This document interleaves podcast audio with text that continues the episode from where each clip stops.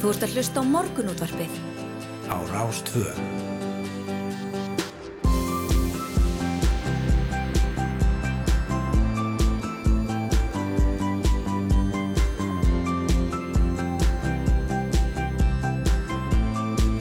Morgunútvarpið Á Rástvö.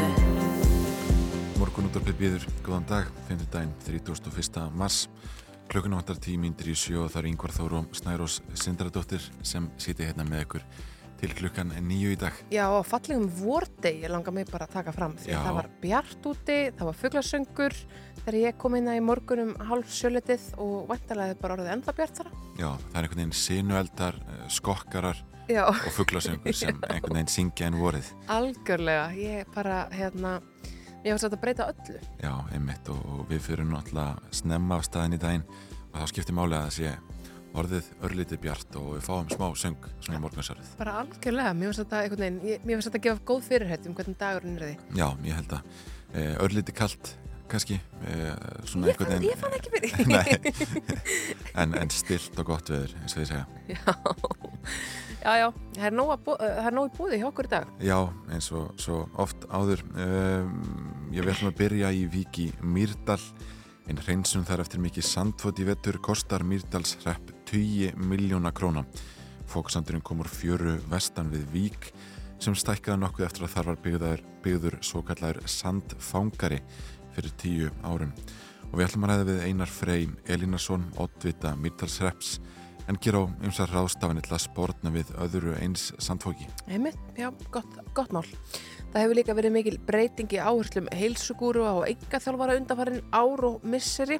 Nálgurinn snýst nú sem betur fer kannski minna um það að minga og léttast og meira um það að styrkjast og halda heilsu um ókomna tíð. Enga þjálfari Nanna Kóper er einn þeirra þjálfara sem hefur tekið svona svo kallega þingdarlausa nálgun á þjálfun sína. En það þýðir þó ekki að prógramið sé einhverju göngutúrur og hláturjóka, heldur betur ekki. Í april þá efnir hún til reyfi áskoruna sem gengur út á það að reyfa sig á hverjum einasta degi. Já, þið heyrðu það rétt. Já, Hverjum einasta degi í april. Það er aldrei friður. Og Nanna ætlar að kíkja til okkar og spjalla um þetta hörku púl sem að framöndan er. já, já, einmitt, einmitt. Þetta, þetta er áhugavert, eflust margir sem fór á stað einhvern veginn inn í árið ætla að reyfa sér reglulega, eh, kannski aðeins búin að missa rithman núna. Já, Eh, Þá erum að gera að taka þátt í, í apríl áskorun. nákvæmlega. Svo er það launahekkanar. Jú, jú, staðhæfingar atvinnureikandum að ekkert svigurum sér til launahækkana eru óvenju langt frá veruleikanum í komandi kjærasamningum líkt og miklar launahækkanir forstjóra fyrirtækja hérlendis og arðgreðslur til hluthafa sína. Þetta skrifa Stefán Ólafsson, professor emeritus í félagsfræðið Háskóli Íslands og sérfræðingur hjá Eblingu í grein sinni í nýjasta tölublaði Vísbendingar. Og við ætlum að ræða, að ræða efni Stefán en hann segir einnig að lífskjara samningurinn árið 2019 hafi verið gerður við óhagstaðri skilirði en nú eru það sem þá hafi verið búist við minkandi hagvexti. Kemur ykkar til okkar um það bíl kortir í átta. Mitt, spennandi. En undarfarnar daga þá hafa borist skuggalegar fréttir af stöðu au-pair-stúluna hér á landi oftast eru það frá fyrirpsegjum en dæmir um að þær hefur þurft að greiða mörg hundru þúsund krónur fyrir að komast í samband við íslenskar fjölskyldur í gegnum, já, halgeða svíkarappa búið jafnvel við kröpp, kjör, allt og mikla vinnu og óviðunandi heimilsastæður hér á landi. Nikoli Mósti, formaður fyrir að skvenna af erlendum uppruna verður gestur okkar upp um átta til að ræða stöðu þessara kvenna. Og svo er ansi mörgum þessa dagana sem veitir ekki af smá aðstöðu í krísustjórnun. Undanfærið ár hafa tíðar fregnir borist af ofbeldinu og viðskiptalífinu og svo má finna ofbeldi víðar en hér á landi. Löðrungur Vil Smith leikara á Óskarsvælunaháttíðinni hefur spunnið umræðum allan heim um réttlætningu ofbeldis, það að missa stjórn á skapi sínu og svo framvegis og svo framvegis. Bryndis Ísvöld hlaðverstóttir ráðgjafi og aðjungt við háskólan á Bifuröst í krísu samskiptum kíkir til okkar með helstu krísufræðin í farteskinu. Já, já, og hér í lok þáttur ætlum við að ræða skatta ívilnanir eh, vegna rafbíla eh, en út árið 2023 býst kaupundum nýra rafbíla skatta ívilnun sem getur hæst orðið 1.560.000 krónur. Það er ágætis vasapenningur fyrir flesta. Já, minnst eitthvað fyrir mig. Já, eh, Björn Teitsson, sérfræðingur hjá Skipulagstofnun, varpaði því fram á dögunum að ríkisvaldið ætti að borga bílausum sambarilega upphæð sem ætti þá til dæmis nýta til kaupa á rafhjóli og hvetja þar með fleiri til að losa sig við bílinn umhverfisins vegna. Og við ætlum að heyra betur í byrnum varandi þessar forvitnilegu hugmyndir í lokþáttar um það beil 20 myndur kortir í nýju eitthvað svo leiðis. Einmitt, það er náttúrulega fleiri og fleiri sem að er að reyða sig á, á reyðhjólinn sko allan ásins ring. Já, einmitt. Þeir eru þetta búið að vera ekstra erfið vetur svo sem núna. Já, við hefum ekki einhvern veginn sem marga á göttum borgarinnar í þessum rauðu veður viðvörunum allavega á hérna rafskútunum. Nei, nei, en það munur auðvitað um það að, hérna, að taka, taka bílinn kannski, þú veist, leigubíli eða fá far eða eitthvað með einhverjum félaga kannski 7-8 daga á ári eða, eða 180 daga á Já, ári já, eða það hvað það er, það já. breytir öllum. Herði, ég var lítið aðeins að fórsýður bladana. Það er nú einmitt uh, rætt aðeins um uh, umferðina í Reykjavíkurborg. Uh, þar er, er uh, já, skrifuð frétt upp úr Grein Ragnars Árnasonar. Hann er líka professor emeritus í uh, hagfræði. Uh, en hann segir hér að lítið sem ekkert hefur gert til að bæta umferðar mannvirki á höfuborgarsvæðinum þrótt fyrir verulega fjölgun íbúa og bifræða. Þessi stað hefur stærsta sveitarfélagið Reykjavíkurborg lagt í verulegan kostnað til að torvelda umferðin borgina. Þetta segir Ragnar, eh, hann segir að ný skýrslam sína kostnaður íbúa höfuborgarsvæðinsins vegna umferðtafa síðan minnstakosti 36 miljardar króna og sennilega í námunda við 50 til 60 miljardar á ári. Það verður eh, vantilega tölvert rætt um þessi umferðamál í sveitarstjórnarkostningunum núna í mæ. Einmitt. En það eru alls ekki sveitistunarkostningar sem eru hér framan á forsíðu fréttablasins. Hér segir að netverslun fari minkandi. Hægt hafi á stafrætni netverslun Íslendinga en hún áði hámarki á síðast ári. Og þetta er haft eftir Didrik Erni Gunnarsinni, framkvæmdastjóra stafrætna miðla hjá Mediacom og stundakennara við HR. Hann segir að gullöld netverslunar hafi náð hámarki árið 2021 en það hafi verið að hæja á henni síðan. Neytundur hafi ekki hægt að kaupa netinu en það verið hægt verulega þróuninni frá síðasta ári. Í mars ár 2021 hafi 48% landsmanna keift á netinu samkvæmt netverslana púlsi prósents en 36% nú. Það sem hefur breyst frá árinu 2018 er að þá hafðum 55% fólks keift í netverslun og 66% svaranda hefur keift í erlandu netverslunum en nú hefur þróun snúist við. Síðustu mánuði hefur innlend netverslun 70% af vægi og meðan erland netverslun hefur 30% af vægi. Þetta er forðinlegt. Já, já, einmitt og það er eh, forvitnilegt að, að sjá hvernig þetta þróast núna í kjölfar faraldus. Einmitt. En við ætlum að fara að skipta yfir á fréttastofuna og förum síðan betur yfir veður og færð. Færðin eh, snýst að mjög leiti núna um kvikmyndatökur. Þannig að við komum hér að vera með spóri. Þú ert að hlusta á morgunútvarpið. á Rástvö.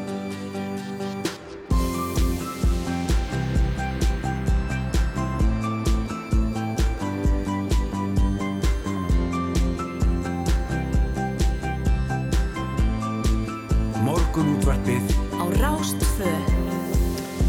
Jú, við bjóðum aftur góðan daginn hér í morgun útvarpinu. Snæra og Sindridóttir og Yngvar Þór Björnsson. Við ætlum að setja með ykkur til hlukan nýju.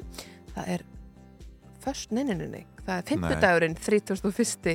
mars. Já, akkurat, það er svona einhver förstudags stemming samt í manni. Er það ekki bara því að þetta er síðust dag mánuður? Jú, alltaf sé ekki það. Já. og fyrsti apríl á morgun. Uh, Einmitt, fyrsti að, þurfum að hugsa eitthvað gott. eitthvað gott. Apríl hérna. Sko, ég er svo, hérna, reklaus. Ég Já, er engin það er aprilgabakona. ekki sama hérna. og Ég veit ekki í mér. Nei, ég, sko, ég, fyrstulega ég hef náttúrulega alls ekki í mér að gappa annað fólk og ég þóli ekki að vera að hafa fýbli með svona þessum hætti, sko, að láta einn trúa einhverju sem er ekki satt eða eitthvað svona ég, ég alveg bara uh, tek út fyrir það Þannig að fólk getur treyst því sem þú segir í útvarpinu hér á morgun. já, já, já, það verður, það ekkert í gangi hérna á morgun, Nei, ég get alveg lofa fólki því Einmitt. Það verður heldur ekkert gabb hjá okkur í dag. Við ætlum að fara víða í þættinum. Við ætlum að ræða e, hreinsunum e, víkur í Mýrdal eftir mikið sandfók þar í vetur. Við ætlum að ræða hilsugúrua og, enga þjálfara og, og nýjar stefnir í apríl. Nei, mitt, Við ætlum að ræða e, staðhæfingar atvinnureikendum að ekkert sigurum sér til launahækana og e, auper. Jú, jú, það staða auper dúlna hér á landi er ansi viðkvæm, við ætlum að ræða það við formann félags kvenna verðlendum uppruna og svo ætlum við að tala um eh, krísustjórnun og krísusamskipti þegar að, að hérna, já, í svona ábyrgsmálum sérstaklega og uh, við ætlum að ræða hugmyndir um að uh, sko, já, greiða fólki fyrir bíleysi. Já, það er mjög áhugavert. Það er mitt. Þess vegna skulum við kannski líta til veðurs og hugleðingar veðurfræðings á veðurstofunar eru tölver stittri en þar voru í gær þegar þar voru útskýrar hvernig skíahölu spár virka. Nú er þetta stjött og gott. Það frekar rólt í veðri í dag og á morgun. Vestlagar áttir og skíaða mestu. Í dag veru stöku jél norðarlands en annars þurft að kalla. Á morgun er smá væta í kortunum fyrir vesturhelminglansins en stittur upp fyrir norðan. Og við skoðum hér kortið á, á vef e, veðustofunar þá er nokkuð lít ja, svona, með við hvernig verið hefur kannski síðustu daga verðum 5 gráður á hátegi hér á vestanverðu landinu og hægur vindur. Einmitt.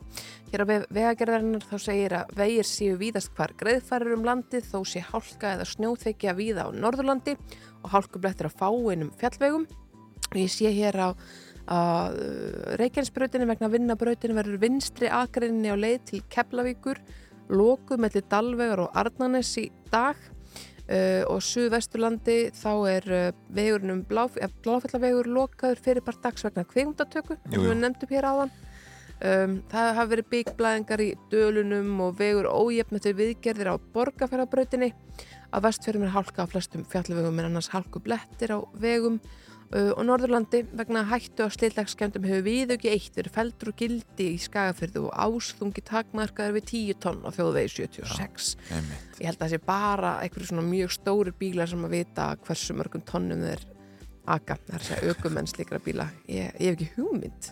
Nei, ég hugsa að, að Volkswagenin minn far ekki yfir þennan. Ekki yfir 10 tonn? Nei, ekki yfir 10 tonn Nei Þó ég, veit ég það ekki. Ég hef ekki, ég, ég, ég hef ekki hugmynd. Þetta er fyrir stóra bíla að vita hverju þungir. Að öðru leiti þá er hálka á auksi snjóþökja og hálka með ströndinu á norðausturlandi og eitthvað um hálkubletti og við erum reyndir á austurlandinu. Já, einmitt. Það er full ástætt þess að uh, vara þau við okkur. Já, Við... eh, ég veldi einhvern veginn fyrir mér eh, út af við höfum núna síðustu dag verið að tala um þessa kvikmynd eh, sem við verðum að mynda hér. Einmitt. Þessi bandaríska hasamind lítur að gerast nánast alfarið á gödum með að við hversu mikið tími fer ég að mynda hér hérna á Bláfjallavegi og, og Sæbrutinni og, og hérna og bara þú veist allstaðar Já, emitt Þetta lítur að vera hérna hasarinn lítur að liggja á göttunum í þessari ágættu mynd. Þetta er Fast and the Furious 7 Já, þetta er einhver bílamynd lítur að vera. Já, já emitt Já, allir í kappastri á Bláfjallavegi í dag. Það kann að vera. Herri yngar, um, í gerð voru Íslensku tónlistavælunin uh, þeir fóru fram í hörpu í gerð kvöldi og Já. ég er búin að ákvaða að um, ég er svona að lita þáttinn nokkuð þeim litum. Þannig að við ætlum að hefja, hefja leika í dag á lægi sem að vann um, lagað tónverk ársins í opnum flokki. Afskaplega fatall lag sem við hefum svo spila svolítið hérna í morgunúttarpinu þetta er Vertu Úlfur með Emilion Torrini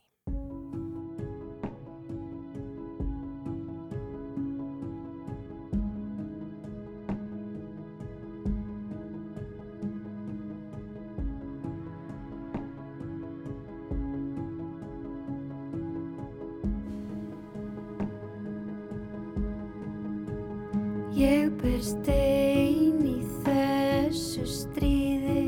Það breytir ekkert því að sól vermir heiði Og kirkjubjöllur ringja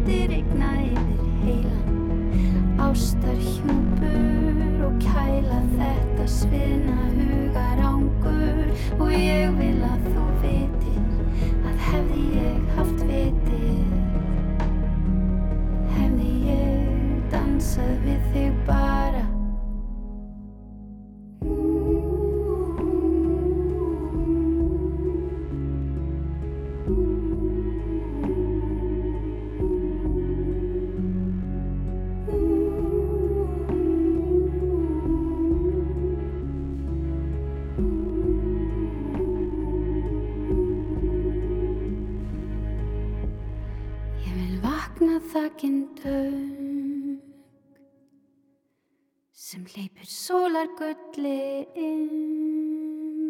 Þú ert að hlusta á morgunútvarpið.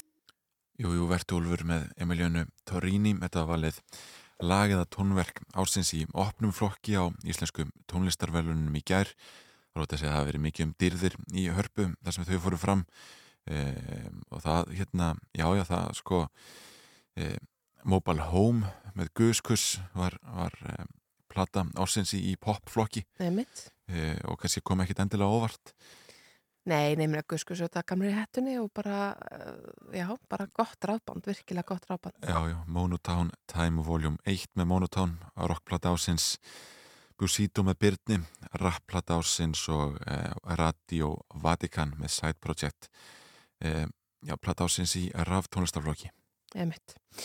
Uh, já, hér eru fleirum dýrðir og við séum uh, ætlum að spila svolítið af þessum lögum. Hérna rétt á eftir ætla ég að spila lægið Móningu með Teit Magnúsinni sem var valin textahöfundur ársins. Og við ætlum líka að spila hans uh, flott sem var valin Bertasta vonin í samfunnu við okkur hér á Rás 2. Já, já, einmitt, þau er já, eh, líka eh, já, lag ásins í popflokki Einmitt. Já. Já, já, það fara hljóma hérna eftir. Þetta er bara um að gera að nýta uh, þennan stökkball sem að tónlistavelunin eru. Þannig að sé ég hér fréttin á uh, vf.df.is uh, Sky News skýrir frá því að brotist hafi verið á heimilið David og Victoria Beckham og batna þeirra í London hann 28. februar á síðasliðin og þau voru heima á svona 10 ára dóttursinni Harper þegar innbrotið átt sér stað en urði ekki vör við innbrotstjófin eða þjóana Nei, og sonur þeirra Cruz sem, sem uppgötaði að brotist hefði verið inn þegar hann kom heim eftir að hafa verið úti með vinnu sínum tók eftir að búi verið að róta til í aukasefnherbyggju og glærbrótur brotinni rúðu lágu á gólfinu. Fæðgarnir leituð að innbrotstjónum eða þjóðurum í húsinu með þið byggði til lögreglunni. Spáði í því að vera innbrotstjóður sem er kannski eftir inn í húsinu og David Beckham er leitaður. já, einmitt, Beckham fjölskyldinu eftir þér en eh, magna náttúrulega líka að búa í húsi þar sem gluggi er brotinn og, og, og þú heyrið ekki Emmitt. húsið er það stórt vantalega Já, emmitt, e, e, já, algjörlega. Þetta er hérna, segir að Lundunaröglun hafi staðfest að hafi verið kölluð að heimili Beckham fjölstuna kl. 00.37 en þau hafa telja að brotið hafi átt í stað á milli hálf nýju og hálf tólf sem er bara svona kvöld. þjófurinn hefur viljað klára vinnudaginn snemma Já, emmitt, mér finnst þetta ótrúlegt. En sko spurningin er, ef maður brýst inn til Beckham, hvort að maður, hérna, maður sér fjölskyttumyndi upp á vegg, hvort að maður forður sér ekki, rætt. Já, eða hvort að þessir innbárstjóðar hafi átt þess á hver býr þarna og, og vilja stila einhverjum ákveðnum minningagripum eða öðru slíku. Já, svo er það. Ég ætla að, mér veist, hérna, já, ferlega óþægild, þú hljóta einhvern veginn að ég fara bara í eitthvað gluggaskipti og, og herða örgiskerfið sitt. Það lítur að vera. Er, já, þetta er áhugavert. Algjörlega. En hér eftir skamastund þá ætlum við að ræða um, sandfók í Mýrdalsreppi og uh, heyra eitt lag. Já, þetta er Mónika, Teiti Magnúsinni og Hildi.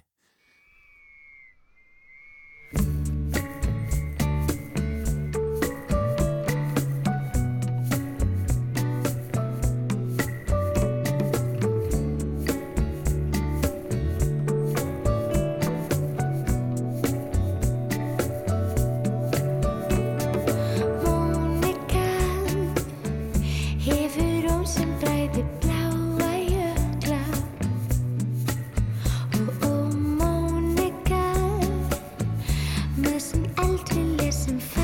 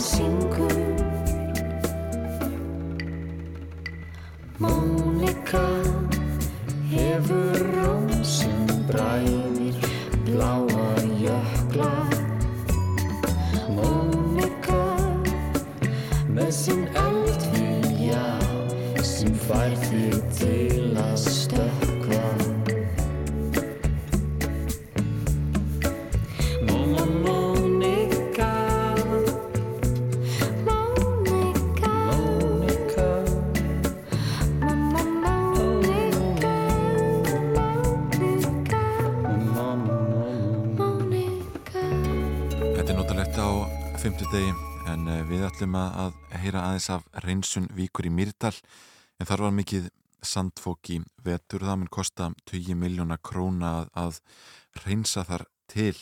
Og Einar Freyr Elinarsson Ottviti Myrdalsreps er komin á línuna, góðan daginn.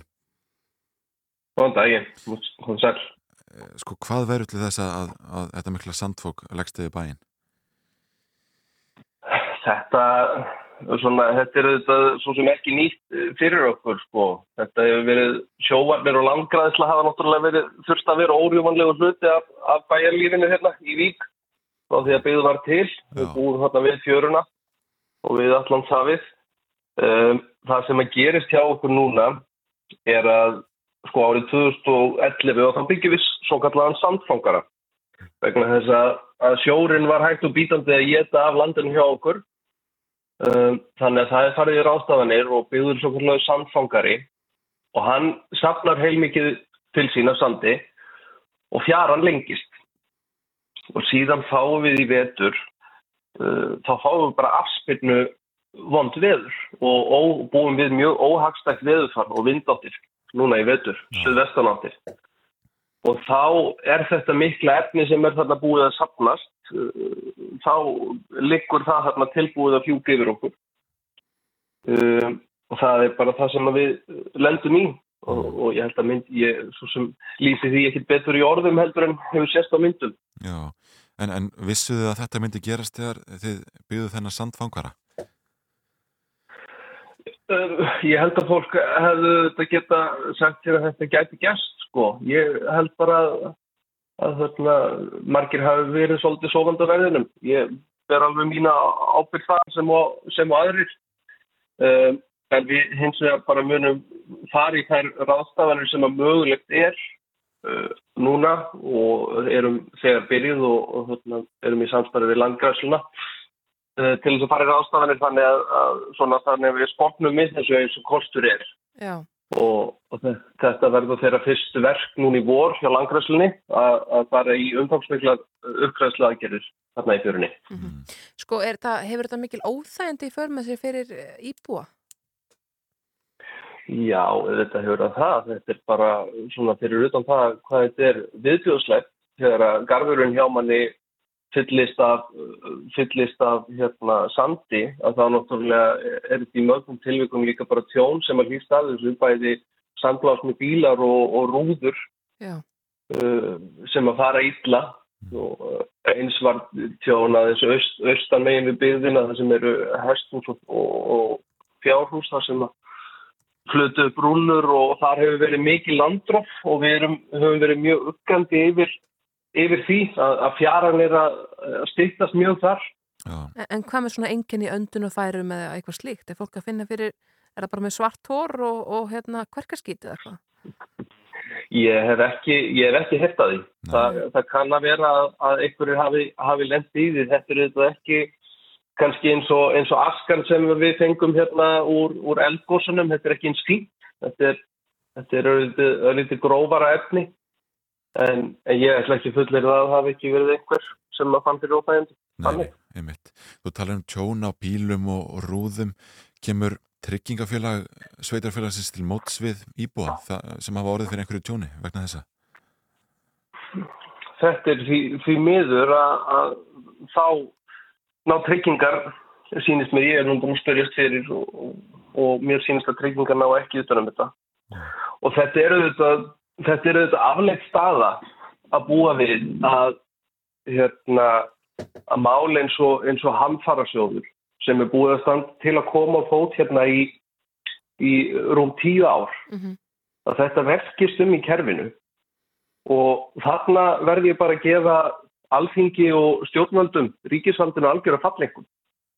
Þetta er auðvitað ekki báðlegt að, að búa við jafn óvægna náttúru og við getum búið við hérna á Íslandi og að kerfið okkar get ekki gripið það. Þetta höfum við ítrekkað bent hérna á já, já, og því miður hefur bara ekki verið á þetta að lusta. Nei, nei. En hvað gerir þér á fyrir að þessi hreinsun eh, kosti bæjarfélagi mikið? Það á þetta bara eftir að koma almennilega í ljós en þetta eru 20 miljónar sko, sem að sem auðvitað bætast ofan á bara almennt mikinn kostnað út af, af hörðu metri og, og snjómokstri og, og því að líka. Þannig að þetta er, þetta er bara heilmikið kostnaður fyrir bæði sveitafélag og íbú og, og fyrirtæki. Mm. En hvaða ráðstafanir á að gera til að, að spórna við öðru svona sandhóki? Eh, það verður sem sagt, við erum þarna auglistum eftir, eftir uh, gamlum skemmtum heyrúlum sem verða, verða notaðar, uh, verður aðið í fjöruna og, og þar, þar munur sapnað sér sandi og síðan verður hægt að sá í það. Það er aðferð sem hefur einst verð síðan verður líka farið í að eh, sá mell og, og þá bara borið á sunna með gróðulínuna til þess að binda. Uh, og eins verður skoða með, með sandgirðingar sem, sem að grýpa sandin mm -hmm. og, nú bara eru landgræðslana þeir eru bara að undirbúa verkið og, og munu byrja um leið og um leið og hægt er. Og Eins höfum við verið að funda með, með vegagerðinni því að sjóvarnir heyra þar undir og þeir eru búin að tilkynna okkur það muni koma nýr samsongari á næsta ári til þess að halda áfram að tryggja, tryggja byggðina í vík. Þannig að hérna, já, við höfum svona náða þess eirum, eirum þessara stofnana og, og hérna, og vinnum bara í nánum samstarfið með þeim. En hvað varðar almennt tjón sem að hlýsta af svona veðurum, að þá bara stendur þægilega svolítið á ríkisfaldið að svara hvernig á að bregðast því. Einmitt. Þetta er áhugavert Einar Freyr Elinarsson við fáum að fylgjast betur með ykkar málum í Middalsreppi. Takk kærlega fyrir að vera á línunni hjá okkur. Takk fyrir spjallið.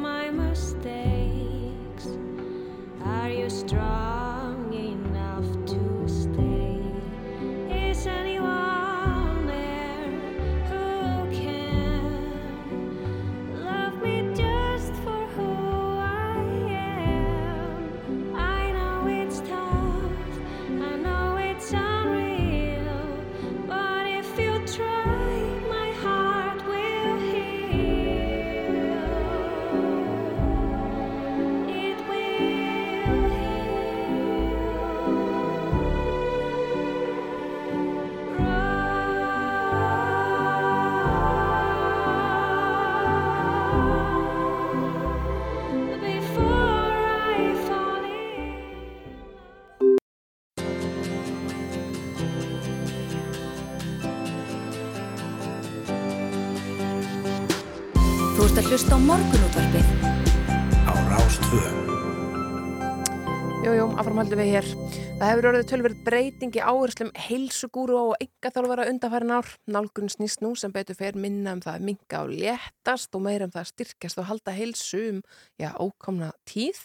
Hún er komin inga til okkar enga þjálfari Nanna Kóper sem er einn þeirra þjálfara sem að hefur, já, einmitt sem mikið að svona þingdarlausi nálgun á þjálfun. Það þýðir það samt ekki að prógrami sé einhverjir göngutúrar og hláturjóka. Nei, þetta er bara hörku púl og í april þá efnir hún til reyfi áskoruna sem gengur út á það að reyfa sig okkur um einasta degi.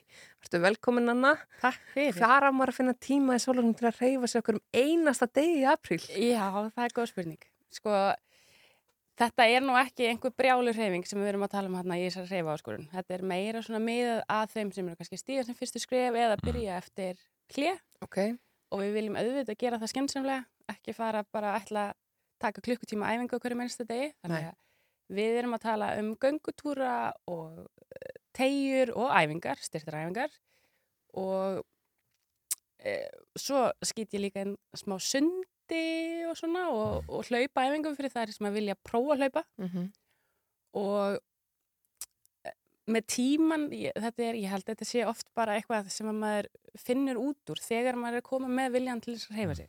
Veist, Ef við erum að tala um heimaæfingar, þá getur maður í staðin fyrir að fá pössun fyrir, kannski fyrir krakkana, getur maður bara gert þar heima og meðan krakkarnir sofa.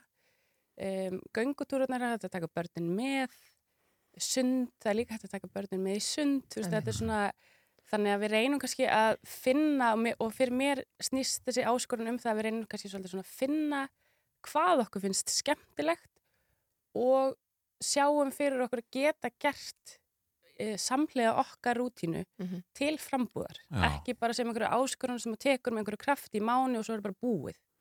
Einmitt. Heldur svona að þú finnir, ok, þetta hendar mér vel, þetta hendar mér ekki vel og þá ætlum ég aðeins svona feta kannski frekar þessa braut heldur en hinna Já, og reyna að hafa svol- svolítið fjölbreytni. já, en er raunhæft fyrir þá sem eru að, að svona byrja að hrefa sig að hrefa sig á hverju meinasta degi gefast fólki ekki bara upp á, á fyrstu viku Það þarf ekkert endilega að vera. Nei, Það væri alls ekki raunhæft einmitt ef að þetta væri eitthvað, eitthvað lifta þungu í Já. alla dagana já, þá myndi fólk bara gefast upp eftir viku, sko. Einmitt.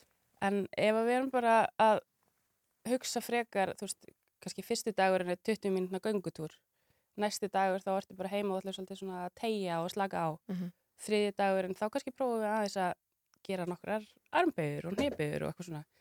Að þá held ég að það sé alveg raunhæft að, að prófa að hreyfa sig á hverjum degi. Sko, þú leggur mjög miklu áherslu að reyfa sig úti. Hvers vegna er það? af því að ég, mér sjálfri finnst það bara svo frábært. Það er e, streitulosandi að reyfa sig úti og rannsóknir hafa sínt að ef maður reyfi sig í fimm mínútur á dag, einhvers stað það sem er eitthvað grænt í grænu umhverfi, Já. að það sé bæði streitulosandi og hafi góð áhrif á til dæmis bara sjálfströsti. Það er svona bara mjög góð áhrif á andlega líðan og það er, þú veist, maður finnur það bara þegar maður reyfir sig úti, það er svo gott að fá súrefni Mhm. í æð og þú veist, á sama tíma maður er að þennja lungun og þetta er bara eitthvað allt annað heldur en að fara á hlaupabretti eða Mhm. að mínum að því allan og það er eitthvað svona, já, maður finnur bara andlega velíðan Einmitt. Og náttúrulega vora í apríl, þannig að þetta er svona kjörum mánuð til þess að, renna upp flýspessunni bara og sig algjörlega, út. jú, En þú hefur líka svolítið verið, þú hefur náttúrulega bara verið mjög ábyrjandi sem enga þjálfari í, í svona um langa hríð núna og, og hérna mikið með fjárþjálunaprógrum í COVID og, og að þjálfa, uh, já, konur á öllum aldrei og öllum stærðum og gerðum. Uh, sko, hvers vegna einhvern veginn nálgæðastu þetta, tókstu þessuna þessa þingdarlösu ákvörun, áherslu, það er ekki, það snýst ekki um að að sleppa öllu súkulaði og telja einhver, telja hittaeiningar og vikta matur sinn og Nei. allt þetta. Hva, hvaðan kemur þessi nálgun hjá þér sem þjálfari? Sko, ég hef prófað allt sjálf, Já. Veist, ábyggilega marga kúra og verið að telja hitaeiningar á sama tíma og ég ætla að, ætla að hlaupa hálmóraþón og gefa allt í þetta og þetta bara, maður gefst alltaf upp og svo skipti, svo, svo veit maður líka bara það að heilsa kemur ekkert í einhverju einni stærð. Heilsa er bara, þú veist, ef þú reyfir þig og borðar hotlan mat, þá ertu líklegast heilsursöstur Mm -hmm. það skiptir einhver máli hvort þú sért eh, 60 kíló eða 100 kíló. Þú Mhm. getur alveg verið góður í að hlaupa og reyfa þig og borða hall og mat og þú sért 100 kíló. Skiptir engu máli. Það er bara þetta að allir fái líka bara tækifæri til þess að njóta þess að reyfa sig. Af því ég held að það sé ofbáslega margir sem að þór ekki einu svona gangin í líkamsvæstistöð bara af óta við að einhver horfi skringila á þá eða að það sé eitthvað verið að gera já, einmitt bara þetta að horfa á sig. Ég, þegar ég byrjaði að reyfa mig á líkamsrættistöðu þá þorði ég sko ekki að gera æfingar uppi í salnum að því ég var svo hrættum að allir verið að horfa á mig. Þannig ég fór alltaf niður. Svo bara svona finnum að sjálfströstið og kemur sér að stað og mér finnst bara allir eigi skil tækifæri til þess að hafa gaman að reyfingu Sko tekur eftir einhverju viðhor, viðhorsbreytingu í þessa átt svona almennt. Já, mér finnst ég gera það. Mm. Mér finnst fleiri vera meðvitaðir um þetta og að það sé ekki, að sko fókusin sé ekki alltaf á það að léttast eða fá sixpack. Heldur bara að ég vilji geta veist, noti lífsins og gert það sem ég vil og þegar ég vil gera það, ekki að ég þurfa alltaf að koma í eitthvað form til þess að, til þess að geta farið í fjallgangu Mm. eða, og líka bara að maður geti svolítið séð um sig sjálfur þegar maður verður eldri. Já, finnum við mun á aldurshópum hvað það varar? Hver er að reyfa sér til að, til að líta vel út og hver er að reyfa sér til að líða vel? Já, ég gerði það allavega svona fyrst þegar ég var að byrja.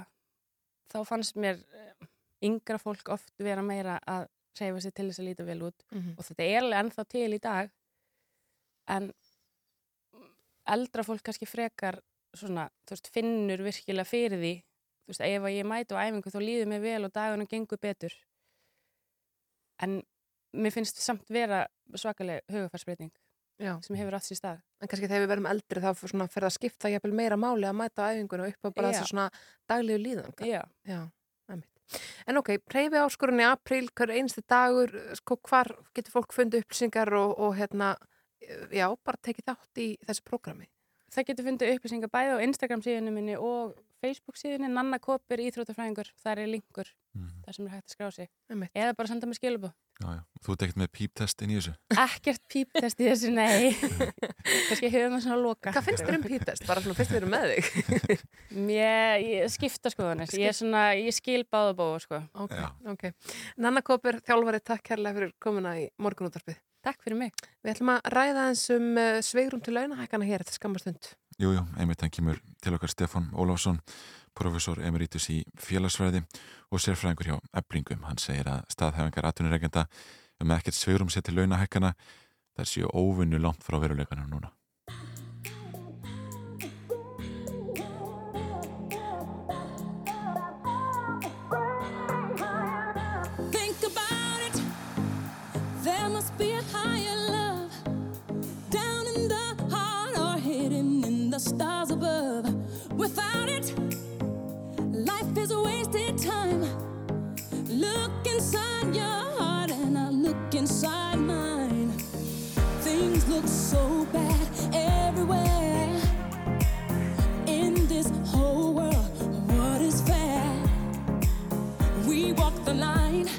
Try to see,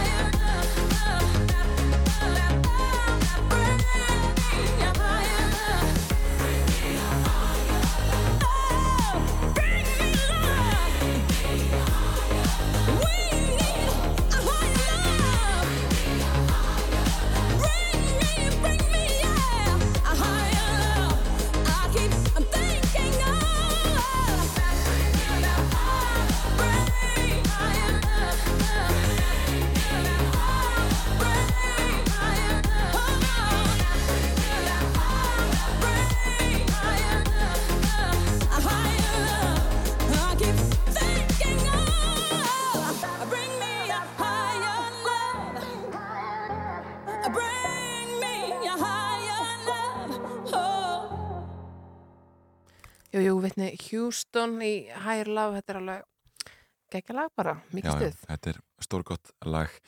Hér eftir smá allar, allir við Stefán Ólásson, sérfræðing hjá Eblingu og professor emeritus í félagsfræði um uh, já, svigurum til launahækkana. Já, emitt, en uh, fyrst kannski nefna það, versta frétt dagsins í gær, Bruce Willis, 67 ára gammal hættur að leika. Já, þetta er, þetta er sorglega fréttir. Þetta er bara mjög sorglega fréttir, kottnungu maður á svo mörgu liti. Já, já, þetta er vegna alvegleira veikinda sem hafa hjá þann og, og gert honum erfitt fyrir það kemur því að tala og, og, og hérna tjá sig. Emitt, svakalegt. Já, ætlum að heyra eitt lag, þetta er Ultraviolet með Eyju og svo kemur Stefán Olsson sér fyrir hjá okkur. Spin me down, spin me down, watch me pirouette. Now I'm about to fall apart. Pick me up, pick me up, sweep me up off my feet. I'm already waist deep. I'll let you in. I'm giving up, I'm giving in. I'm giving up, I'm giving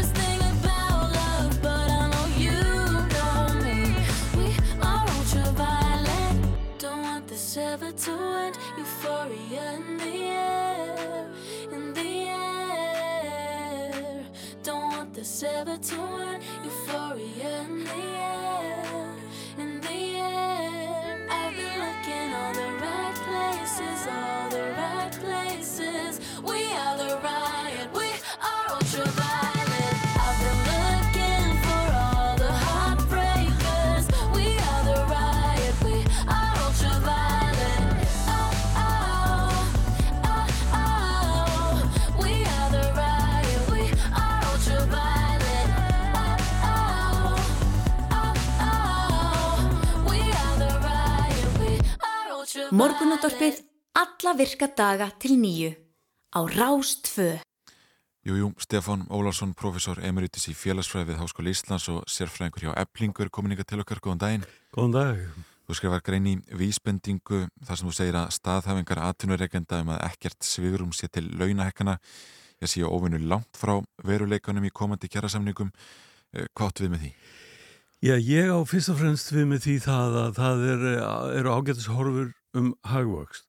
Eh, hagvöxtur í fyrra var eh, vel yfir 4% og hagstofan var núna að gefa út þjóðhagsspá fyrir þetta ár og næstu ár. Eh, hún spái 4,6% eftir að hún hefur tekið eitthvað til, til stríðsins í Úkrænu. Það voru fyrri spár alveg um 5% hagvöxt sem að er mjög gott mjög mikið. Það þýðir að öðru jöfn öfutökum það sem hagvöxt á mann og sem vísbendingu um framleiðinni aukningu að þá getur það þýtt að, að uh, það sé framleiðinni aukning verði á þessu ári á bylunu 2,5-3% og þá á hagkerfið að bera uh, kaupmáttaraukningu upp á nákvæmlega það og ef að það er að segja, ef að menn ætla að skila framleiðinu aukningunni til launafólks en ekki bara til eh, eiganda fyrirtækja og stjórnenda. Mhm. En sko það eru þetta há verðbólga og, og suminsbáði hún fari jafnvel upp í tveggjastafa tölu svona von bráðar um, er, þarf ekki að bregðast því einhvern veginn með því að þeim hætti að vera ekki að hækka laun mikið? Nei, ekki endilega nema menn allir að sko ná verðbólgunni nýður með því að ná laununum nýður. Ég sé enga ástæði til að gera það þegar þjóðakakkan er að stækka. Það er hún sem er til skiptana. Við förum þá bara á herra verðlagsstig sko. Við erum fyrir Íslandingar eh, ásamt Svislendingum með hæsta verðlag í Evrópu. Já. Og við varum þá að bæta þessari verðbólgu ofan á það og ef við ætlum ekki að launabæta það að þá erum við að eh, skerða hérna kaupmáttin á þeim tíma sem að þjóðakakkan er að stekka og það er bara óröggrétt við hefum aldrei að taka minna en framleiðinni aukningu hagkerfisins í kaupmáttar aukningu. Þa, það tryggir að, að allur þorrið þjóðarinnar nýtur hagvakstarins. Annars verður þetta eins og í bandaríkjónum að hagvaksturinn rennur bara til eh, ríkustu 10% og hinir standa í stað. Já.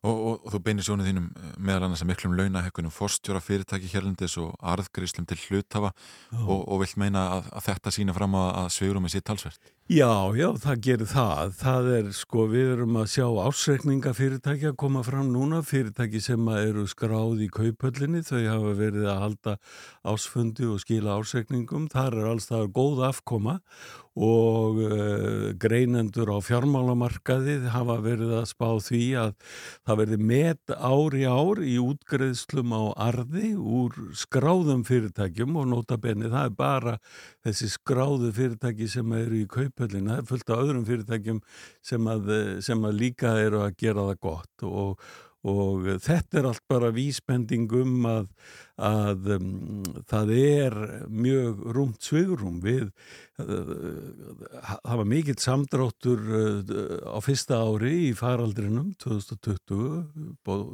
7% cirka og, og uh, við erum að fara gera meira en að ná því upp á þessu ári. Þannig að að um, horfurnar eru mjög góðar og besta vísbendingin um þetta náttúrulega er það sem fórstjórunni sjálfur eru að gera. Þeir eru að skamta sér hérna um 440.000 krónar meðalhækkun hjá fórstjórum í skráðum fyrirtækjum og um, og hérna sem er vel yfir í prósendutali langt yfir það sem að, að almenni vinnumarkaðurinn hefur verið að fá. Þannig að þeir eru að ganga lægið, þeir eru að uh, gefa ívarðandi bónusa og kaupréttar uh, samninga sem að uh, yfirleitt er svona ótvíra merki um kjarabætu fyrir þá allra tekjuhæstu. Mm -hmm. En sko, þú talar um sko verulegt sveigrum. Hvað, hvað nákvæmlega þýðir það? Hér í, í síðustu samningum þá var hækkurinn um það byl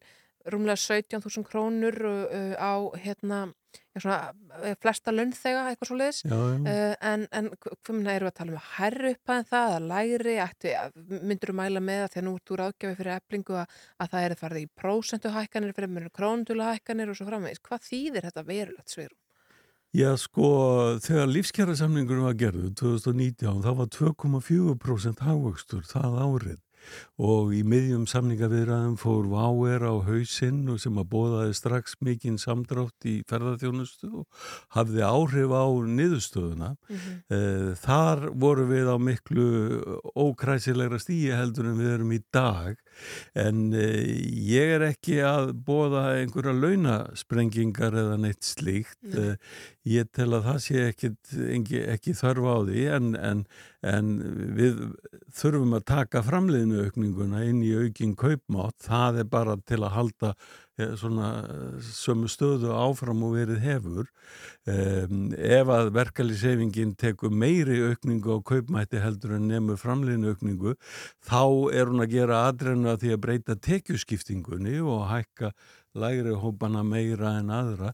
Við myndum ekki vilja leggja áherslu á prósentuhækkanir í þessum Nei. samningum heldur halda okkur við mótelið úr lífskjærasamningum um krónutöluhækkanir. Það reyndist vel og var í reynd að skila hlutfanslega meiri hækkun í lægstu hópana sem eru á vinnumarkaði. og Þannig að skilja þessi kannski betur fyrir suma atvinnureikundur af því að þá þurftu þeir ekki að hækka laun þeir sem er hæst launaðir en að fyrirtækisins of mikið eða hvað. alveg hárétt og það, það þýðir það að þegar við tökum krónutölu hækkanir þá verður meðalhækkun launakostnaðar fyrirtækjana verður hóflegri en ella og, og þannig að það er farselt mótil þar líka.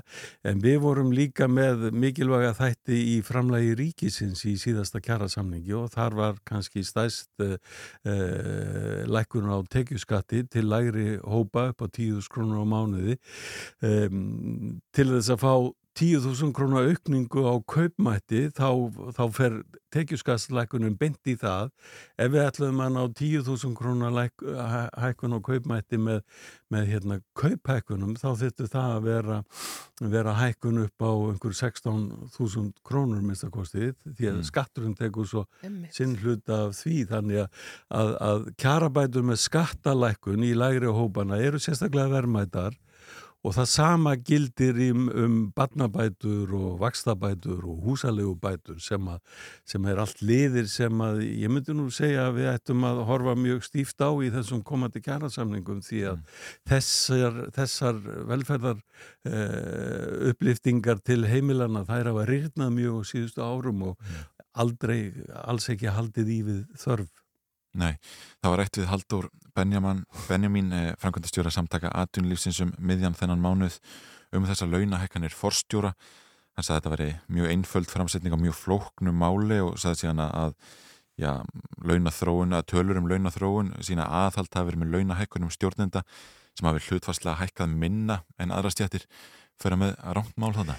Já, hann við með rámt máli við erum að tala um uh, hækkun heildalauna eða ráðstöfuna tekna því að hann er að horfa þarna á grunnlaun sem er eiginlega svona nála því að horfa á takstana og, og uh, það er alveg rétt að grunnlaunin og takstanir hækkuðu meira í lægri hópunum en sá hópur sem að hann er að vísa í í þessum gögnum hagstofunar sem stjórnendur þetta eru að megin þorra til milli stjórnendur en, en endur spekla ekki þessa hæstu stjórnendur í, í stærri fyrirtækjum og, og stofnunum. Það, þeir eru ekki inn í þessum gögnum nema mjög litlu leiti sem að við sjáum bara því hverjar hver, hver, hver meðalaun þeirra eru samkvæmt þessum tölum hagstofuna sem er bara eh, eitt fjórði eða eitt fymti af því sem að við vitum að fórstjórar í kaupallinni eru með. Sko. Mm. Ég held að komast ekki lengrað sinni Stefán Ólafsson, professor emeritus í félagsfræði við Háskóli Íslands og sérfræðingur hjá Eblingu. Takk fyrir að koma til okkar í morgunundarspið. Takk fyrir. Við erum að skipta yfir á fréttastofu og svo ætlum við að ræða málefni uh, auperstúlna sem að hafa aðeins verið í fréttum undafarið. Þau eru ansi, já, já kjörður er ansi bá og, og uh, heimilsastæður oft algjörlega ófullnægandi og sumar þeirra hafa einhvern veginn verið uh, prettaðar til þess að greiða mörg hundru þúsund krónur til þess að koma hinga til lands. Það að ræða þetta við Nikoli Mósti, formannfélags uh, hvenna verðlendum uppruna. En fyrst uh, smá fréttir af fréttastofu Ríksjóttusins. Þú ert að hlusta á morgunútvarpið. á Rástvö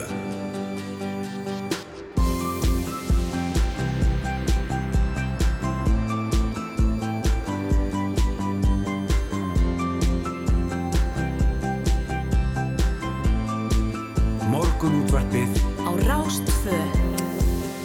Jú, þið þekkið þetta. Hér sittja Snæra Sendardóttir og Yngvar Þór Björnsson og við ætlum að vera með ykkur í klukkutíma í viðbót til klukkan nýju þegar að Dotti tekur við með alls konar skemmtilega tónlist. En við ætlum líka að spila svolítið skemmtilega tónlist við getum ekki verið eftirbótar hans. Uh, í gær fóru fram tónlistarverlun Íslands og þar hlaut þetta lag Vesturbæjar Beats með BSI uh, titilinn Rocklag ásins, Yes. og þau tóku við velunum og settu, settu þau beint í sundpoka. Sundpoka. Vesturbæjar Beach, gerðu svo vel.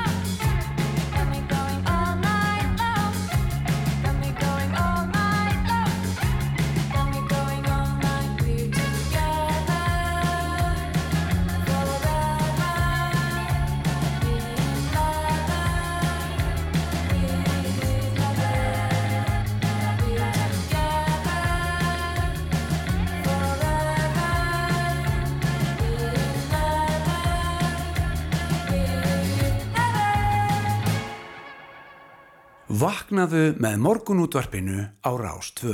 Jú, jú, Vesturbæir Beats með BSI, það er vor og ég vil sumarbræður af þessu lagi. Já, já. Eh, við fyrir á ströndina þegar veður leifir.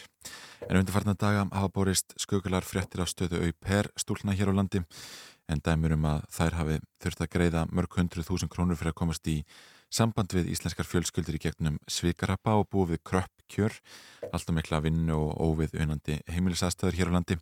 Nicole Leimóstím, formaður félagskvenn af Erlendum uppruna, er komin ykkar til okkar, góðan daginn. Góðan daginn. Sko segið okkur, fáið þið á ykkar borð málefni þessara stúlna, þessara auper stúlna sem að hinga komið til lands oftast frá Filipsegum eða svona öðrum löndum í Asíu? Við höfum fengið tilvík þar sem leitið hefur hérna, verið til okkur um réttindi, veist hvað þau gera eða, eða sögukent sem hefur kannski flætt svona meðal samlanda Já. um hvað er hægt að gera til þess að hjálpa þessi stúlkur en, en ekkert, alveg beinlínis vegna þess að við þurfum að munna eftir þessi stelpur sem er koma í, bara í eitt ár og er, er hvað mestu innan eitt fjókskittu að þau eru ekkert endilega að herna, kanna landslag við herna, félagssamtökum. Og, og annað. En, en hérna, jú, við höfum fengið og, og þegar hérna, við vorum með MeToo hérna, hvað segja, frásagnir þá komur hérna, nokkra sögu þaðan sem við veitum, þau byrja sem auper einn sem talaði um að uh, hún hérna fekk 30.000 krónur á viku var að sinna fjós og börn og fjókskittu og annað og bara hennar aðstæði voru alveg hræðilegar Já, það var frétti gerð sem vakti talsverð aðdegli sem lísti aðstæðum konu sem fekk ekki sitt eigið herbergi heldur var látin gista í lítilli geimslu með bráðabýra tjaldi í staðan fyrir hurð. Um, kom þessar frétti þeirra óvart? Já, ég menna, auðvitað komið til mér óvart vegna þess að hugmynd hérna, í lögum og ef lesið er samning með auper, hugmynd er að viðkomandi kæmi til þess að vera partur af fjókskittan. Mm. Það takkifæri til þess að læra íslensku og þetta á að vera, hérna, þetta er svona romantísk starfstett og ég, ég vil helst ekki kalla þetta starfstett, þá er þetta fólk sækist eftir einhverjum af erlendu bakgrunn til að koma menningin á sína heimili og líka deila menning. Mm. Það eru ung stúlkur, að auðvitað það kemur þetta óvart Mm. að það er einhver sem er að misnóta eitthvað sem á að vera á allt annað grundvallur. Mm Og það er kannski einmitt, um þennan grundvöld þetta á að vera svolítið svona, einmitt, svona að tvær menningar mætast og þetta á að vera mikil reynsla fyrir þessar stelpur en eh, sko, getur verið að, íslenskar efri millist þetta fjölskyldur séu að nota þetta sem bara ódýrt vinnuafla heimil Vil, ég vil ekki alveg halda okkur við að segja bara íslensk. Nei. Því að hérna, eina tilfelli þegar leitið var til okkur frá samlendum, þá farið þetta hérna, meðal erlenda hjón já. sem var að misnóta. Því að það er hérna, skýrt í lögum að það er hérna, íslenska ríkisborgarættar og við veitum, ég er nú það, Mhm. en samt er ég að velendu bakgrunn Einmitt. og hérna Og, og við þurfum að munna líka það í öðrum menningar. Það er mjög gildislaði hérna svona stett og svona í kringum það í öðrum löndum. Svo við, megjum ekki alveg, al- alveg taka upp en, en jú, auðvitað það að mestu leiti er það Íslandingur sem gera, sem fá upp hér. Mm. En ég held að veist, við þurfum að hugsa þetta í stærri samhengi. Þetta er atvinnu samning, en það er ekkit eftirleitt eða millu aðala í þessum samningum. Mm. Það eru fólk sem hérna ráða við komandi til starfa og það er útlendingastofnun. Og þegar við hugsaum um það, það vald sem situr í hendum þeim sem er að ráða og koma viðkomandi til, til landsins, einn fyrir með það vald að, að leifa þeim vera hérna með samkvæmt lögum og annað. Annar er, er, er þeim sem er að hérna, halda utanum þeim á að veita þeim uh, laun og öryggi og annað. Það er ekki hérna öryggisvendil. Það er engin annar til að leita til. Nei. En hvaða aðila ætti það að vera? Hvers konar eftirlit þarf að vera allir staðar? Persónulega finnst mér að hérna, það er náttúrulega heimilt fyrir reglagerð í lögum og það ætti bara að skoða að það er hérna, reglagerð og þar sem við tölum um það starf sem það er, það er lett heimilisvinn og annað, að það ætti að koma undir svolítið það sem, sem tengist eins og hjá eblingu til dæmis. Sem, sem er að vinna með þeim sem eru í hospitality business. Að það ætti verið, eh, þú veist, einhver sem, sem getur sagt hvað er hóflegt Já. heimilisstarf. Það séu bara til í einhverju stjættafélagi bara. Já, því að ef við hugsaum um ebling þá er, er hérna, mér upplygt stættafélag sem annast hérna, einn uh, leikskóla og faglærðir leikskólastarf svo þau veit alveg en það er þekkingu þar varðandi eh, hérna, uppeldi og, og, og annað og svo líka eins og segja hérna, hospitality eða, eða það þau myndu alveg geta metið hvað er hóflegstarf, hvað er viðmið. Það talar um hérna í, í lögum og í, í hérna hvæði um það ef lesið er á útlendingastofnum og það má ekki vinna fyrir ákveðin tími á morgunina og á kvöldið og það er alveg svona rammi sem á að vinna inni Já. en þegar það kemur að laun þá er þetta, hérna það er að tala um vasapenning í lögum og í hérna á útlendingastofnum þar sem er, er hérna upplýsingur um það þá talaðum á lámarks 15.000 krónur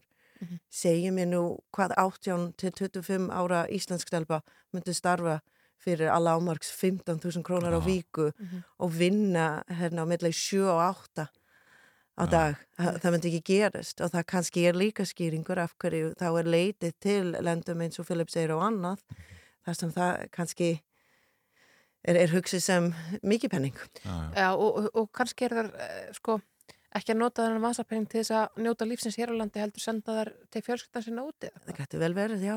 Mm. En það er ekkert- er mikið, það hefur engin gildi hérlandis, 15.000 krónar á víkur Já. og við skulum ekki segja, menn, það sendir að lámark og, og það eru örgulega fólk sem greiður meira en ég menna, hversu langt komist þið? 15.000 Einmitt. krónir Já, á víkur.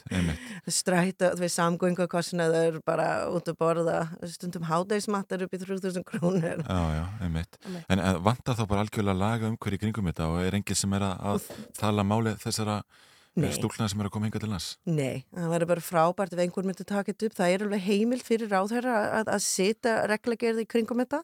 Það er bara frábært ef þingheimna myndi, myndi gera það.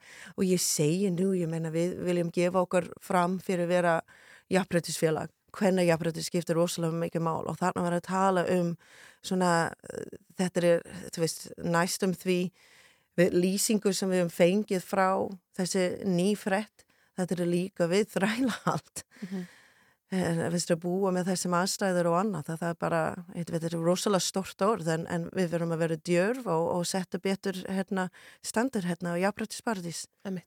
Eh, Sko, þú ert líka í, hjá fjölmenningasetri, fórstuðumæður fjölmenningasetur. Nikól.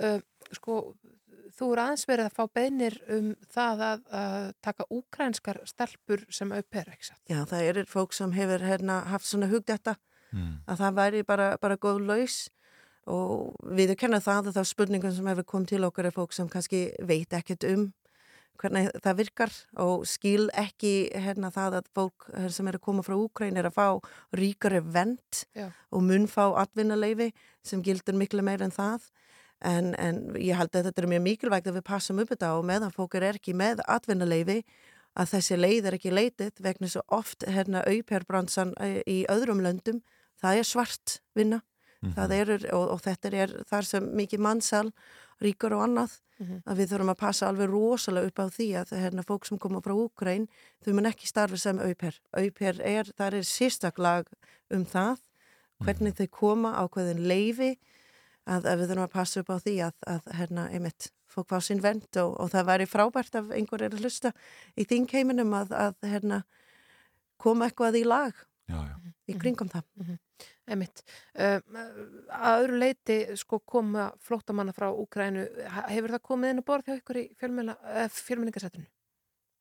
Nei, uh, ekkert, ekkert í tengs með vinnu, það mann fara allt í, í gegnum hérna atvinnu, en það er eh, hérna mjög mikið forvitni Já.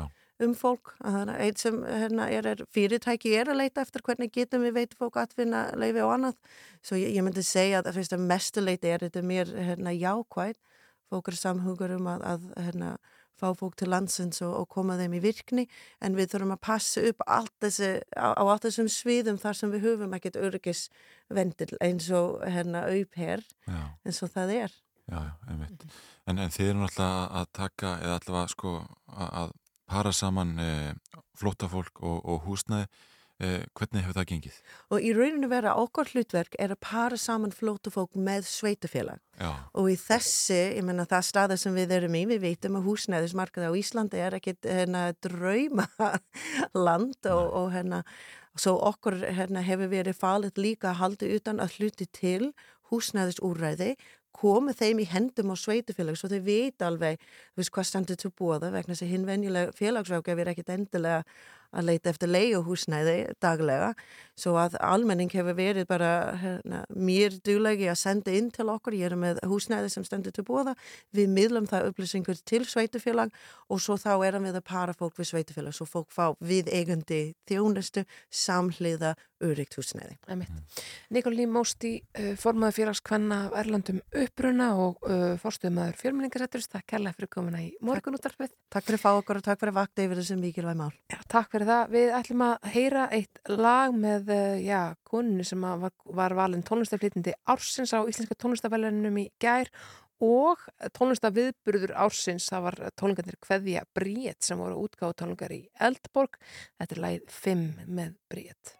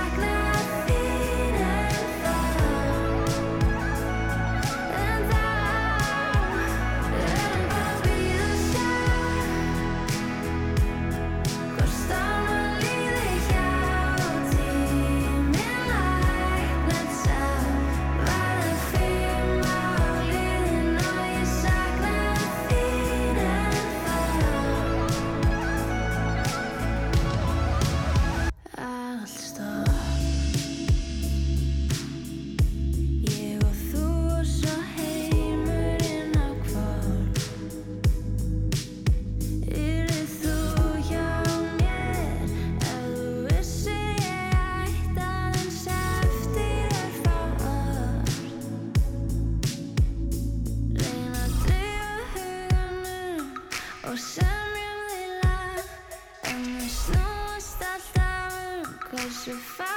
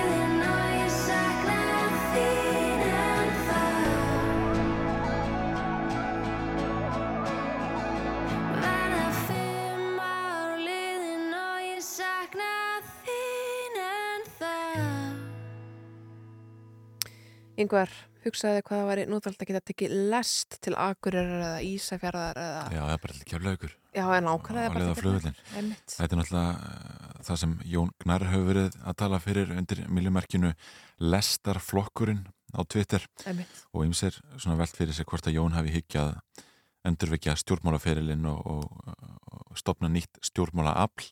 Það tölvert rættum þetta hér á vefsíðu Vísis.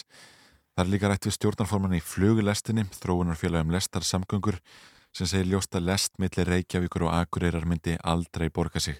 Frankandin er þið gríðalega dýr og farþegafjöldin tæpast sá sami og færi milli Keflavíkur og Reykjavíkur. Mm, einmitt. Það er svo sem alveg áttspunktur.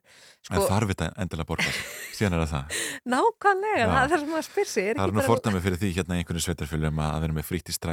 að með Já, að. Já, já, já, algjörlega. Líka bara, einmitt, þarf þetta, endilega að borga sig? Er þetta bara eitthvað sem væri gott fyrir land og þjóð og Já. kostar ógeðslega mikið og minna, við erum nú með aðra hluti sem að mega þá kannski bara að missa sína móti. Já, já, ég held það það og, og, og ég held að að lest myndi ekkit fá minni stuðning en borgarlína. Nei, nei, nema síðu sé, sko.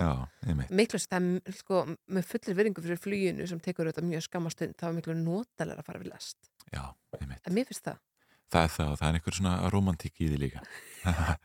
Kannski að að við erum ekki vel lest. Kannski það sem, mann finnst það eitthvað romantist. Já, ef við tekjum lestina hérna daglega á leið til vinnu þá verður það kannski ekki romantist. Nei, nei, ég svona get ímynda með það sko og þetta alls konar vesen sem fylgir svo er verið að gera við teinana og það eru hérna frostþorkur á Íslandi og allt þetta sko. Já, já, já, já.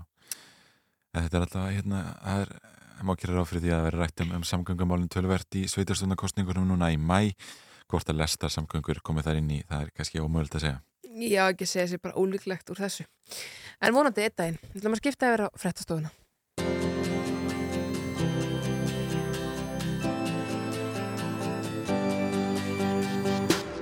Þú ert að hlusta á morgunútvarpið á Rástvö.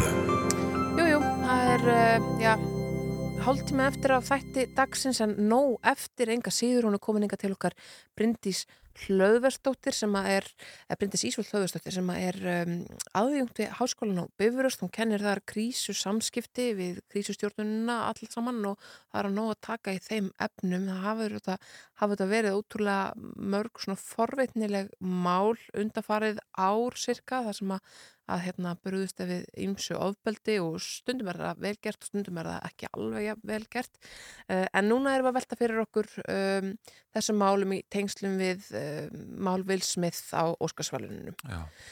Þetta velkomin Bryndís uh, eigum við kannski að byrja bara á að fara aðeins yfir uh, svona viðbröðun við uh, já, Will Smith og þessum löðrungi og svo framvegis akadémiðan verist vera í einhverjum vandraðmann úti, hvað væri svona hvernig væri réttast að breðast við? Já, það er auðvitað margt hægt að gera í þessari krísu þeirra en það sem er kannski áhugavert við þetta er þetta sem að mjög mörg fyrirtæki og skipilaseldir er að lendi að þarna beitir maður annan ofbeldi og, og það er svo sem alveg ljóst fyrir öllum að það á ekki að gera það. Um, það er samt sem maður staðið upp og klappa fyrir honum og, og hérna þegar hann hlýtur óskarinn. En akadémiðan situr svolítið í súpunni, hún þarf að taka afstöð og það er svolítið nýtt. Uh, fyrirtæki eru að lenda í þessu ítrekka þar sem að, að einhvað gerist að þeirra, kannski á þeirra vettvangi eða einhver brýtur af sér og þau eru krafin að, að, að, veita afstöðu, að gefa upp hvað þeim finnst um málið og, og breðast við.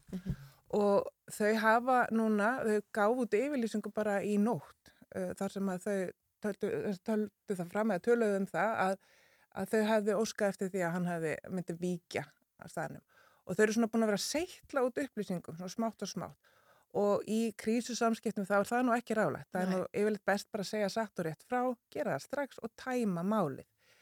Svo getur maður líka haft skilning á því að- bandarinska kvikmyndaakadíman satt nú ekki á okkur um undirbúinusfundi fyrir Óskarinn og var bara, já, svo kemur maður og kýlir hann mann og hvað gerum við þá? Já, við bara stáltum fyrir því, þið veitir. þetta er auðvitað eitthvað sem að sko, fyrirtæki og skiplasildir eru ekkit endilega viðbúin undir en það er auðvitað hægt að vera. Mm. Og ég myndi segja að þau séu svona að lengja vel í krísunni og í svona málum það sem að frægir aðlar koma við sögu að þá er þetta náttúrulega ævindirlega spennandi efni. En það sem er hins vegar svona gleðilegt er að maður finnur það að það er afstæðan gegn ofbeldi er ánum mjög skýr og þetta er ákveðin breyting þar að segja að skipula seldir og, og þegar ég segi skipula seldir þá er maður að tala um fyrirtæki og stofnun og allir sem eru með einhvers konar vinnustaf að uh, þau hafa á síðustu áratugum, sérstaklega svona síðustu tveimur verið að setja sér samfélagsábyrg í hinnum ímsumálum heimsmarkið með saminuð þjóðuna og svo framveist. Þannig að í staðan fyrir að vera á svona gamla Milton Friedman staðnum þar sem að peningar og, og arður og kjarnarstarfsemi var bara það sem skipti máli að það er það líka hvernig þú ert sem hluti af samfélaginu. Og það er búið að sína það í öllum rannsóknum að það framlengir e, lífvænleika hvers fyrirtækis að vera í góðri sambandi við samfélagið. Og, og þessi afstafa þeirra, þetta að fyrirtækjastofnar hafa sett sér stefnu í einum ymsum málum, gera það verkum að við gerum meira væntingar til þeirra. Og svo er það líka hitt að við höfum í raun og veru, erum að horfa á það að það er svo margir sem eru að lenda í einhvers konar svona málum, þess að þau eru í raun og veru þriði aðili, eru ekki gerendur í krísunni. Og þetta er í raun og veru kallað svona orðspórsókn af því þau eru ekki að valda krísunni en þau eru krafin afstöðu og sem betur fer þá erum við að sjá mjög svona skýra afstöðu hjá flestum gegn ofbeldi. Og það er það sem akadémiðan er að horfa í núna, nú eru þau að reyna að breyðast við með faglegum hætti og þau eru með einhvers konar svona viðbrast áallanir þó að þessu ekki nákvæmlega maður lappar upp á svið, kýlir annan. En, en hérna, þau eru sem sagt búin að gefa það út að, að Will Smith hefur 15 daga til þess að andmæla uh, og koma með rauk fyrir málu sínu og svo muni þau gefa út sem sagt, þá refsingu sem að, að hérna, hann á þeim. Og, og þetta er svo sem alveg ágætt. Það er alltaf opaslega gott að vera með tilbúna áætlun um það hvað það er að gera Mhm. og fyrirtæki þurfa að setja sér uh, áætlanir og, og skýr markmið um það hvað og líka bara hvað þau standa fyrir, hvert er gildismæti. En við erum samt að sjá ótrúlega mikla breyting á örfáum árum og við langar að nefna eina tvö mál. Það er sem sagt uh, mál Sigruna Pálinu uh, gegn uh, Ólafi Biskup Já, já. og hérna fleiri konur sem stegur fram og Guðrún Ebba og, er, og, og við sem samfélag, hvernig við tókum á því. Þannig maður í valdarstöðu og, og hún er látin hún segur hún en það er alveg ótrúlegt hvað maður byrða saman við Vítalíu sem að, að stóð upp eða sem Mhm. steg fram núna um daginn viðbröði almennings og við erum að vera ána með það hvernig við erum að taka á móti þessum frásögnum. Eh, sko, Hvernig, hvernig hefur þetta breyst? Hvernig var þetta þegar að- að Sigrún steg fram hvað, 1996 er það ekki? Uh, jú, ég held að það sé rétt. Uh, það sem gerist er það að hún gengur á milli presta og reynir að segja frá, reynir að, reynir að fá þá til þess að, að aðstóða sig við málið og endar á því að kæra og ef ég mann þetta rétt að þá endar hún á því að flytja úr landi Mm. og, og fólk trúðin ekki og hérna og það er auðvitað er eitt sko að, að vera þólandi ofbeldis en síðan þegar þú segir frá að þessi ekki trúa það er alveg ótrúlegu sársökin hlýtur að fylgja því og við sem samfélag að við höfum auðvitað tekið miklum breytingum uh, við, Monika Lewinsky dæmi er annars svona Mhm. þar sem að ung kona, það er fórseti uh, hún er algjörlega tætt í, í öllum fjölmjölum auðvitað lendir í svona flokk maskinu hérna brjálæðin út í bandaríkjanum Anita Hill er önnur svona kona sem að var líka smánuð fyrir það að stíga fram en í dag, í það minnsta svona þorri þjóðar með að við umræðina stendur með þólendum og, og það er gríðarlega mikill sigur. Ég held að við verðum líka aðeins að horfa á það sem að, þegar við erum að stíga fram að við. Mandin eru þetta að refsileysi og valdamunum er svo mikill að við erum í kerfi sem er ekki að grípa þessi mál. Það er ekki, það er, rétta kerfi er ennþá alveg, alveg lama hvað þetta varðar. Og það sem gerist út frá krísu samskiptum er að henni ýmsu fyrirtæki þurfa að taka afstöðu. Mhm. Þau þurfa að vera með verklagsreglur. Hvað ætlum við að gera? Og það er, þetta snýst líka bara um öryggi á vinnustad. Þetta snýst um ímynd fyrirtækir. Þetta snýst um það hvort að fyrirtæki sé tilbúið að, að taka þann svona hvað maður að segja, ímynd að skella það er líka, sko því ímynd er eitt en ímynd líka hefur semst, leiðir af sig hvort að fólk vilji verið viðskiptum við þig og það er nýtt að þessi fyrirtæki sem að, að hafa verið núna í hérna svona deglunni, tengslu við þá menn sem hafa verið uh, sagaður um, um misjafnar hegður að þau hafa meir og minna öll sagt, tekið afstöðu uh, gegn ofbeldi. Og þetta er alveg flóki og nú er verið svolítið að reyna að átta sig á því hvernig við eigum að, að, að takast á þetta hvernig við eigum að undurbú okkur. Og krísusamskipti ganga þetta mjög mikið út af það að byggja upp tröst, minga skada og, og svo núna með þessum nýju samfélagsábyrðum og, og öllum þessum væntingum sem við gerum til fyrirtækja þessu ekki bara eh, hérna, að skila arði heldur líka sér hluti af, af samfélaginu og takja ábyrða afstöð að þá eru þetta gerðar miklu, miklu meiri kröfur og sem betur að þá held ég að þetta sé að skila okkur svona aðeins betur uh, út í samfélagi að, að, að, að hérna, við sem betra samfélag en, en það þarf þetta að gæta því og sjá eins og með bandarísku akademíuna að hún bæti ekki krísun og krísun og mm -hmm. það getur auðvelda að gæst ef, ef að þau bregðast ekki rétt við mm -hmm. Hvernig er að bregðast rétt við þessu tilviki til að mynda? Með Óskarinn? Já. Já, það, það er auðvitað að segja satt og rétt frá. Það er eitthvað það sem að, að fólk heldur oft þegar að heyru svona krísu samskipti, er þetta ekki einhverju blottarar? Mm. En það er það sem að eiginlega alla rannsóknir hafa sínt fram á, að, að segja satt og rétt frá og gera það strax og klára máli, af því að þú vilt ekki framlengja í fréttaflutningnum. Mm -hmm þú vilt ekki verið í neikværi umræðu í fjölmjölum mjög lengi. Það er svolítið sérstökk þessi yfirlýsing sem kom frá með nóttum að þau hafðu beðið Will Smith um að yfirgefa salin og hann hafði neitað og þar bara satt við. Já, akkurat þetta. Þannig að er þetta, er, þetta kalla frá meiri spurningar heldur en svör. Eiginlega.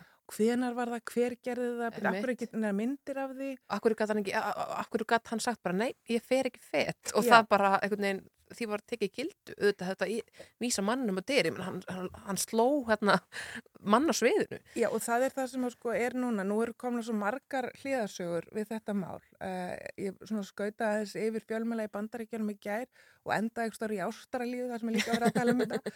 Og, og það er búið að tala um Mömmans Vilsmith, það er búið að tala við bróðir Chris Rock, það er búið að tala við hýna sem, sem að voru kynnar, sem að voru þetta þrjár konur það er hérna, margar, margar sem voru að fá velun í gær sem, nei, hérna á lögadaginn sem var merkilegt og það mm -hmm. svolítið fjalli skuggan af þessu.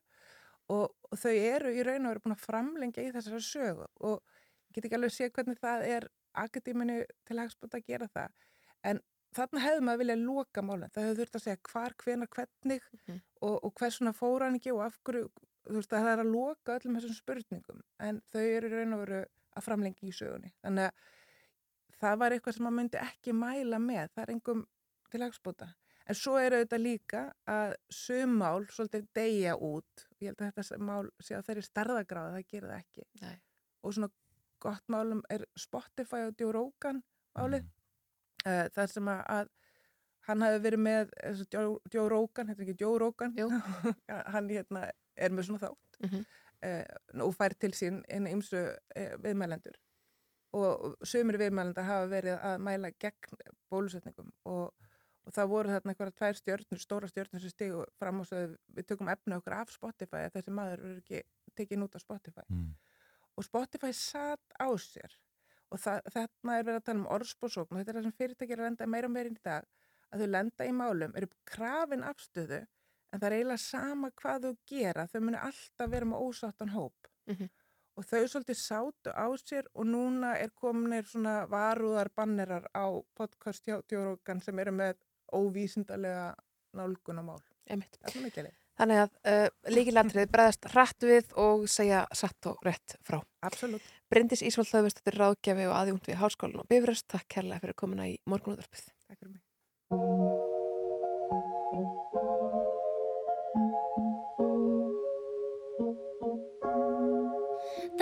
Thought I'd end up with Sean, but it wasn't a match. Wrote some songs about Ricky, now I listen and laugh. Even almost got married, and for Pete I'm so thankful. Wish I could say thank you to Malcolm, cause he was an angel. One taught me love, one taught me patience, and one taught me pain. Now I'm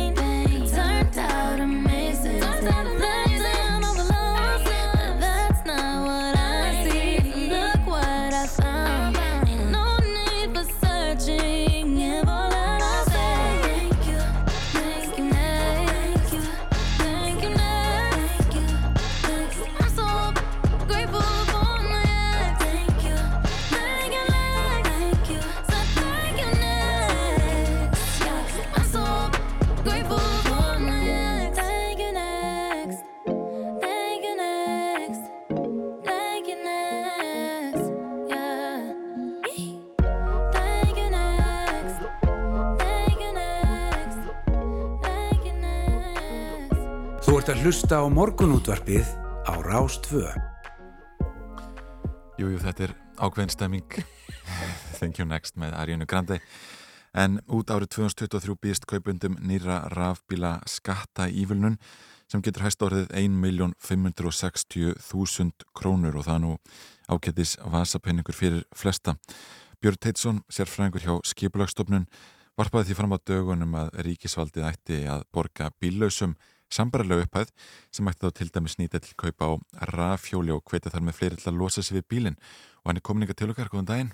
Uh, já, góðan daginn. Sko- En ég verð nú að taka bara fram að hérna, ég er ekki í umbóðið einmitt, hérna, sem sérlegur áhamaður og jú, sérfræðingurum um svona Samgöngur. borgarmál og samgöngur. Já, já. En, hvað verður til þess að, að sérst, uh, sko, þetta er náttúrulega heilmikil upphæð sem ættir að fá í, í skatta ívölun uh, hvað var þar rafbílana en þú telur æskilegt að þetta veri vikað út Já, þetta er náttúrulega mjög há upphæð fyrir hvert sem er.